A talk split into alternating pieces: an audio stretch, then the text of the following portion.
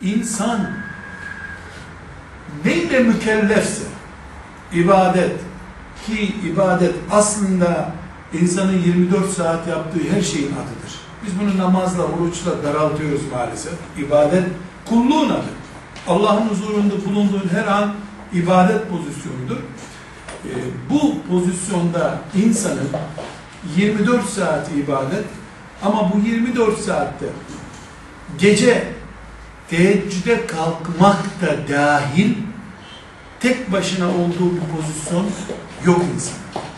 İnsan ne hayvanlar gibi ne de melekler gibi yaratılış gayesini tek başına icra edemez. Buna insanın yapısı müsait değil, gücü müsait değil. İlla insanın ikinci insanlarla bir arada olması lazım. Tıpkı camide beraber namaz kılacağı bir cemaati imamı olması gibi, tıpkı iş için ikinci insanlarla bir arada olması gibi, tıpkı evlendik bir aile ortamında eşi, annesi, babası, çocukları, kardeşleri gibi bir karma hayat yaşamaya mecbur olması gibi insan birinci paragrafta dedik ki melek de değil, hayvan da değil. İkisinin ortasında bir yerde yaratılmış.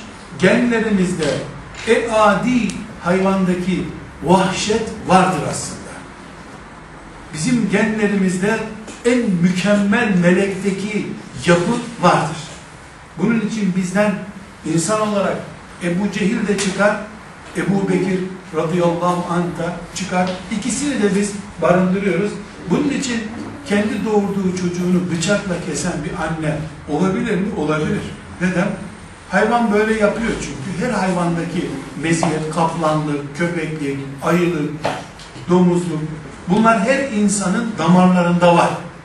Ne yapıyor Kur'an'a iman eden, peygambere iman eden, ahiret gününe iman eden içindeki bu genleri yok etmiyor.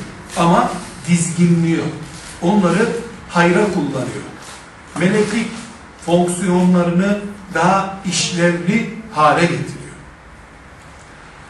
Bir başka özellik dedik, ikinci özellik e, hayvanlardan ve insanlardan farklı olarak meleklerden ve hayvanlardan farklı olarak insan tek başına insan değildir. Yaratılırken de zaten tek başına yaratılmıyor. Her insan üç kişi demek aslında. İsa Aleyhisselam ve Adem Havva hariç, bu üç kişi hariç her insan üç kişi demektir. Bir anne, bir baba ve o insan. Bir anne bir baba olmadan insan olmadığına göre tek başına insan diye bir kelimeyi kullanamayız biz. Kullansak zaten sağlıklı bir sonuca ulaşamayız.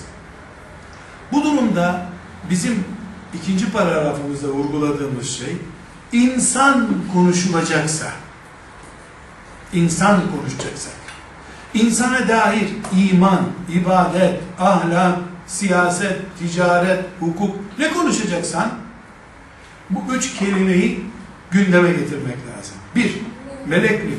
iki hayvanlık. Üç, yalnız olmamak. Bu üç şeyi sac yapacağız. Melek, insan ve anti yalnızlık. Yani tek başına yaşamama.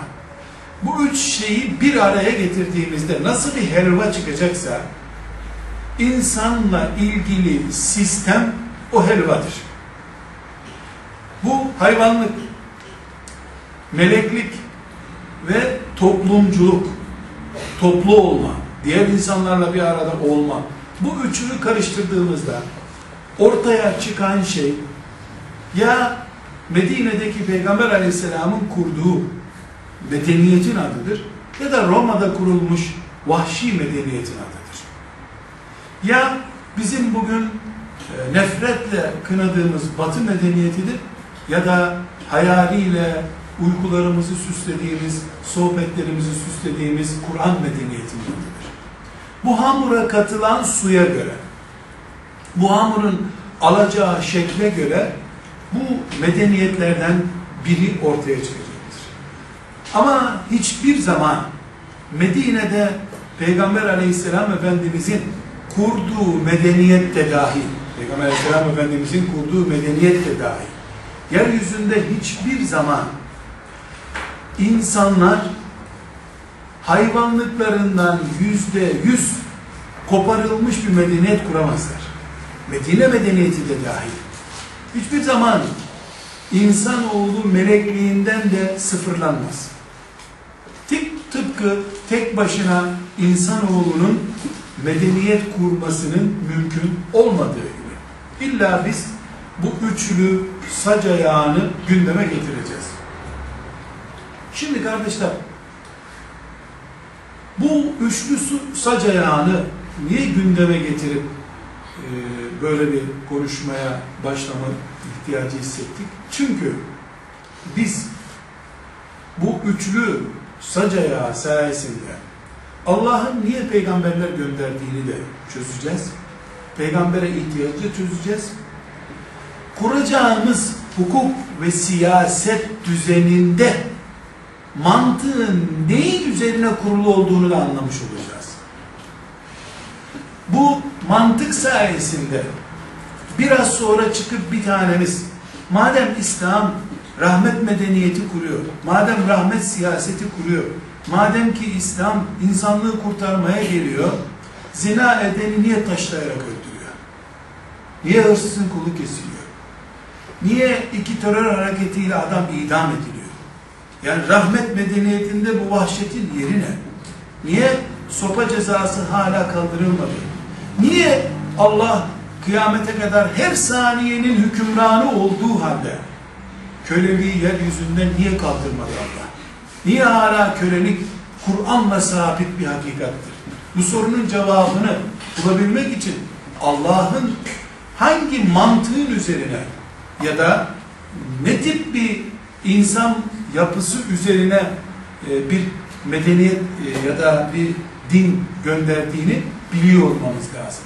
Muhammed Aleyhisselam'ın rahmeten lil alemin olmasına rağmen kurduğu medeniyetin insanlığın melekleşmesi mücadelesi olduğu halde bir defa Allah ve peygamberi bu medeniyeti genlerinde kaplanlık, ayılık, köpeklik, kurtluk da bulunan yani vahşeti aslında içinden atamamış olan bir yapının üzerinde, insan kitlesinin üzerinde bu medeniyeti kurdu Allah.